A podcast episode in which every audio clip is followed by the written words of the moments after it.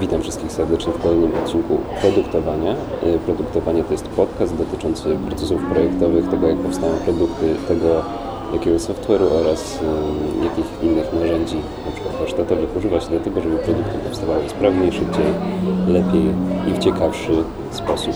W dzisiejszym odcinku zajmiemy się problemem tego, jakie skille rozwijać w roku 2019. Gdzieś na grupie facebookowej UI UX padło takie pytanie, no i w związku z nim padło również kilka odpowiedzi. Chciałbym zastanowić się wspólnie z Wami, może od Was też dostać jakiś feedback, co uważacie, że warto byłoby rozwijać w tym nadchodzącym, a w zasadzie już rozpoczętym roku. Pierwsza rzecz, która mi wpada do głowy, to może lepiej zastanowić się przez chwilkę w ogóle, po co wykonujemy ten zawód, ponieważ łatwo jest czasem zapomnieć, czemu, jaka była oryginalna motywacja do rozpoczęcia przygody z projektowaniem. Dlaczego na przykład nie, ludzie nie zajmują się hodowlą koni egzotycznych? Dlaczego nie handlują jakimiś przedmiotami na Allegro, a zajmują się właśnie tworzeniem, kreowaniem nowych produktów, usług na rynku? Wydaje mi się, że jest dużo, dużo ciekawych rzeczy innych w życiu, które można robić, więc warto dobrze wiedzieć, dlaczego zajmujemy się akurat tym, czym się zajmujemy. Dla mnie jest to zazwyczaj co roku mam jakiś nowy powód, ale bardziej ciekawi mnie to, dlaczego Wy zaczynacie. Yy, Między innymi dlatego też prowadzę, taki odcinek, prowadzę takie odcinki specjalne i one pojawią się w roku 2019 w tym podcaście. Odcinki, podczas których rozmawiam z doświadczonymi już UX designerami, którzy dzielą się swoim doświadczeniem, tym jak zaczęli, dlaczego właśnie zaczęli i jaka była ich przygoda, droga UX-owa. UX-owa albo product ownerska, więc pojawi się kilka takich odcinków, one pewnie się będą pojawiały raz w miesiącu, raz na dwa tygodnie, to będzie jakiś taki przerwnik y, pomiędzy tym, jak my z Joanną wylewamy swoje myśli na naszych regularnych spotkaniach. Y, Pozwoli mi to utrzymać pewnie jakąś tam większą y, regularność uploadowania odcinków. Wracając do tego pytania, jakie rady do nauki na rok 2019 w kontekście projektowania produktów? Tutaj przeglądając odpowiedzi na to pytanie na grupie UI UX, widzę, że pojawiają się takie rzeczy jak product design, mobile, design thinking, narzędzia do projektowania. Ja mam taki, y, takie przemyślenie, że pracując albo interesując się projektowaniem, zawsze stykamy się z jakimś narzędziem, czy to jest Sketch, czy to jest Axure, czy to jest y, Jira. I te narzędzia jakoś naturalnie, jeżeli ktoś pracuje w branży, one naturalnie będą się pojawiać w pracy codziennej i będziemy naturalnie ulepszać skille bardziej lub mniej świadomie. To też nie jest tak, że to są narzędzia, które przydadzą nam się tylko w roku 2019, chociaż sytuacja na rynku software'u do projektowania zmienia się bardzo dynamicznie i tak jak kilka lat temu mieliśmy pewnie do wyboru głównie Axura albo Balsamika, UXPin i inne takie mniejsze firmki, które próbowały wejść jakoś w ten rynek softu do pro- projektowania. To tak na dzień dzisiejszy mamy InVision Studio, które oprócz swojej platformy udostępni zaraz, czy nawet już udostępniło swoją aplikację do projektowania. Mamy Google'a, który wchodzi troszeczkę w kompetencje InVision i też szykuje jakiś swój soft. Mamy Adobe XD, mamy mnóstwo wtyczek do Sketcha, które sprawiają, że Sketch staje się zupełnie innym narzędziem niż do tej pory. No i tak, i bardzo za, za, zagęściła się sytuacja na tym rynku aplikacji, więc może dobrym pomysłem w roku 2019 Aha, jeszcze są, jeszcze jest pewnie mnóstwo jakichś aplikacji do mikrointerakcji których, y, i animacji, których ja nie znam, a wy pewnie znacie. Origami zdaje się Flinto, czy Flinto jest do animacji, czy Flinto jest w ogóle do designu. Wydaje mi się, że tam kiedyś był jakiś, czytałem artykuł o design systemie we Flinto, który bazowo pomaga tam szybko sklejać jakieś prototypy. W każdym razie, w związku z tym, że dużo jest tych rozwiązań na rynku, to fajnie by było, zaczynając karierę albo nie wiem, może odświeżając sobie wiedzę na temat tego, co się dzieje, przejrzeć kilka takich rozwiązań i zobaczyć, czym one się różnią w jaką to stronę idzie, bo świadomiej będzie można wtedy dobrać narzędzie, które lepiej spełnia zadanie, którego od niego oczekujemy. To na pewno nie będzie strzał chybiony.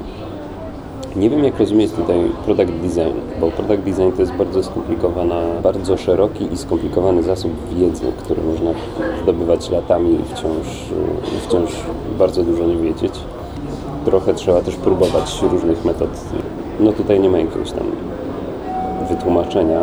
Ja to rozumiałbym to w ten sposób, no właśnie, że pro, uczenie się product designu po pierwsze polega na praktyce, czyli wdrażaniu jakichś e, malutkich produktów, przechodzenie przez różne procesy projektowe, e, różne metody projektowe, współpracę w różnych zespołach i trochę odgrywanie różnych ról w tych zespołach. To znaczy raz fajnie być designerem, raz fajniej Fajnie byłoby jakoś zarządzać bardziej pracą w tym zespole. Raz podejrzewam, fajnie było postawić się w roli klienta i spróbować zrozumieć, jak wygląda to wszystko po tej drugiej stronie, bo też otwiera to, mam wrażenie, na oczy na wiele spraw, które, które nie są takie super jasne. Czy ja dobrze rozumiem brief zleceniodawcy? czy ja jestem w stanie y, jako zleceniodawca ten brief dostarczyć w taki sposób, żeby, y, żeby on był zrozumiały. Co jeżeli ludzie nie zadają pytań, czy ja powinienem wspomagać w tym, żeby te pytania odkrywali, czy samemu sobie zadać 100 pytań i dostarczyć jakieś odpowiedzi, czy to powinna, powinien być wynik y, konwersacji jakiejś pomiędzy designerem, czy product ownerem, czy wszystkimi ludźmi. Jakby dużo jest tutaj rzeczy, które wydaje mi się warto, warto byłoby spróbować. Znam projektantów, którzy pracują sami i doskonale sobie radzą. Znam też ludzi, którzy wolą raczej mieć jakiś zespół wokół siebie i pracować, pracować w taki sposób, żeby te kompetencje były rozdzielone na różne osoby. Czym może być nauka product designu w 2019 roku? Jeżeli ktoś ma jakiś pomysł, to chętnie usłyszę, bo pewnie ja też mam jakiś skrzywiony obraz przez moje zwierciadłe doświadczeń. Mobile i mobile, w ogóle mobile.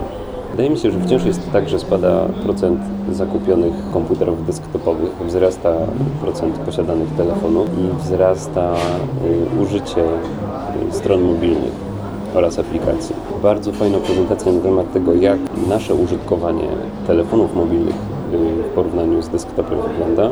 O tym można dowiedzieć się z prelekcji Luka Wróblewskiego chyba z roku 2018, tak mi się wydaje. Konferencja Conversions. E, na YouTube bardzo łatwo znaleźć taki filmik i tam Luke właśnie tłumaczy w jaki sposób korzystam z telefonów i jest to szalenie ciekawe, bo schodzi do poziomu tego, ile klik, kliknięć w ciągu dnia wykonujemy, rozkłada to na cenę smartfona i właśnie stawia taką hipotezę, dosyć zawsze kontrowersyjnym tematem są ceny smartfonów, które kupujemy. Natomiast on stawia taką hipotezę, że w kontekście tego, jak wiele interakcji dziennie um, mamy z telefonem, to cena tego telefonu wciąż jest jeszcze, nie wiem czy nie jest to nadużycie, ale wciąż jest jeszcze niska. To znaczy, wydaje mi się, że producenci telefonów mogliby spokojnie podnosić cenę smartfonu. Wciąż byłoby to dla nas opłacalne, biorąc pod uwagę, ile rzeczy, jak bardzo życie ułatwia nam smartfon. Mobile, no właśnie, więc mobile jest grubym tematem. Bardzo intensywnie przechodzimy w sferę mobilną na w różnych aspektach naszego życia. Od kupowania y, biletów przez płatności, przez, yy, przez oglądanie kontentu, przez docieranie do wiedzy, yy, przez zarządzanie naszymi danymi personalnymi. Więc dobrze jest orientować się jak wyglądają paterny mobilne, na tym, jak różni się ten świat desktopu od mobilki ale też dobrze jest wiedzieć, jakie produkty na przykład nie potrzebują w ogóle wersji desktopowej. Jest kilka takich fajnych stron jak sensie bardzo podoba mi się to, co Instagram i Snapchat robią, to znaczy, że nie ma wersji desktopowej swojej aplikacji, po prostu ma tam link do ściągnięcia aplikacji na telefon. Instagram natomiast na przykład nie ma wersji iPadowej swojej aplikacji, mają po prostu apkę mobilną, a jeżeli otworzymy ją na tablecie, to po prostu jest to procentowo powiększona po prostu aplikacja mobilna, co sprawia, że nie muszą mieć osobnego zespołu albo osobnych ludzi odpowiedzialnych za to, żeby utrzymywać e, spójność pomiędzy wersjami na różne urządzenia. Być może nie warto w ogóle projektować już na, na desktop w większości przypadków. No właśnie, może, może to jest tak, że day-to-day -day user mógłby korzystać wyłącznie z telefonu, a tylko potrzeby, tak jak obsługa danych, obsługa klientów, przeglądanie baz danych byłaby obsługiwana przez desktop. To jest ciekawe, co tam mamy dalej. Du, du, du, du, du. Design thinking. Design thinking w 2019 roku. Nie przesadzałbym z możliwościami innowacyjnymi w kontekście design thinking, jest to raczej super metoda, żeby odnaleźć dużo odpowiedzi na pytanie, jakie mamy. Na, natomiast wcale nie mówi, czy któryś z tych pomysłów, które wymyślamy, jest odpowiedzią na, na nasz problem. Być może trzeba zrobić tych pomysłów 100 więcej, albo któryś z nich wdrożyć i zrobić z niego pivot i tak dalej.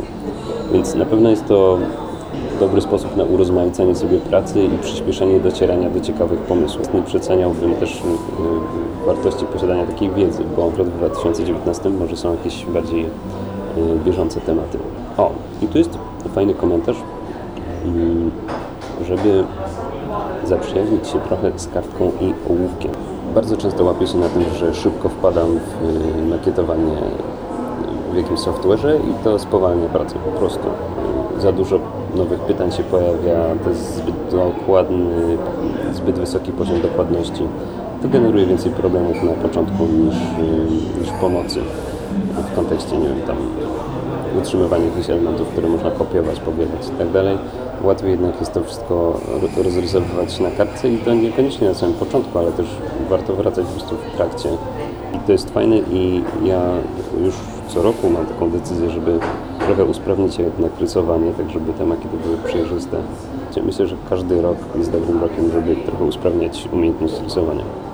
To jest ciekawe, bo nie pojawiły się żadne Akurat tutaj nie pojawiły się żadne informacje na temat tego, jakie trendy czekają nas w 2019 o- roku. Mm, W zeszłym roku 2018 było bardzo fajne podsumowanie tego, co dzieje się w branży, tego, jak zmienia się branża i tego, jak trochę, mm, trochę zmierzamy w kierunku internetu, który przeładowuje nas swoją aktywnością i musimy wynikiem jakby takich rozważań zeszłorocznych, przynajmniej w moim przypadku, było, było takie postanowienie, że może jednak trzeba myśleć o tym internecie nie w kontekście tego, jak generować większe zyski w kontekście użycia każdego produktu, tylko jak zmniejszyć obciążenie poznawcze dla człowieka, który tego produktu używa.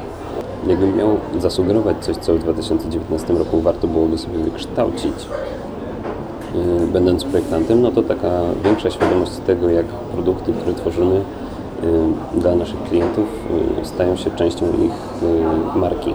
Bo każda rzecz, którą oni wprowadzają jakoś na rynek, na którą eksponowani są ich klienci, y, ta rzecz wpływa na to, jak marka ichniejsza jest postrzegana. Jeżeli robimy szczególnie w kontekście innowacyjnych produktów, no to jesteśmy odpowiedzialni za ten wizerunek w dosyć dużym stopniu.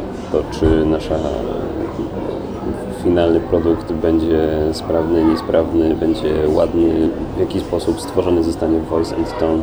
I trochę nie, nie można, wydaje mi się, myśląc w kontekście całej marki, projektować tylko funkcji, tylko trzeba już zadbać o to, żeby ten produkt miał swoje jakieś wartości, których się trzyma, żeby miał jasno zdefiniowane. No i to, co jest ważne, jeszcze, a o czym tutaj nikt nie napisał w moim mniemaniu, no to są skille miękkie. Trzeba na pewno zacząć rozwijać y, umiejętność rozmawiania, słuchania, tego, żeby współtworzyć z ludźmi, a nie przeszkadzać sobie wzajemnie w codziennej pracy. Warto na pewno zainteresować się różnymi metodami feedbackowania, różnymi metodami pracy zdalnej, tego jak w trakcie tej pracy zdalnej dobrze komunikować się z zespołem. Ile miękkie wchodzi też y, rozumienie użytkownika, y, umiejętność obserwacji, umiejętność negocjacji, która często jest pomijana, a jest bardzo ważnym elementem y, pracy designera. A może Wy byliście na jakichś takich warsztatach albo, albo jesteście w stanie polecić jakieś źródło informacji, z którego można douczyć się albo dowiedzieć chociaż gdzie zacząć w kontekście budowania takich skilli. No dobrze, i to jest w zasadzie wszystko. Czyli podsumowując, w 2019 roku, tak jak co roku, warto rozwijać umiejętności związane z projektowaniem w różnego rodzaju programach do projektowania. Y, Rozwijanie świadomości tego, jak wygląda i jak wyglądać może proces projektowy i jak od siebie, się różnią, jak odpowiedni proces dobrać do odpowiedniego projektu. No i budowanie skilli czyli jak lepiej komunikować się z innymi ludźmi. Ja to tak rozumiem. Słuchajcie, jestem szalenie ciekaw tego, co wy, za co wy byście się wzięli w 2019 roku, więc śmiało dzielcie się tą informacją albo ze mną na Facebooku, albo, albo gdzieś na naszych UX-owych grupach. bo myślę, że dużo osób zastanawia się teraz, y, na jaką konferencję pojechać, jaki, jakie kompetencje rozwijać i tak dalej. Może sami rozwiążemy sobie ten problem. Dziękuję bardzo za uwagę. Mam nadzieję, że w przyszłym tygodniu już normalnie y, z Joanną weźmiemy się za jakiś temat, albo pojawi się wywiad z ekspertem. Jeżeli są tematy palące dla Was, to śmiało piszcie do nas, a my będziemy brali je na tapetę. I tyle. Do usłyszenia już wkrótce w kolejnym podcaście Produktowanie.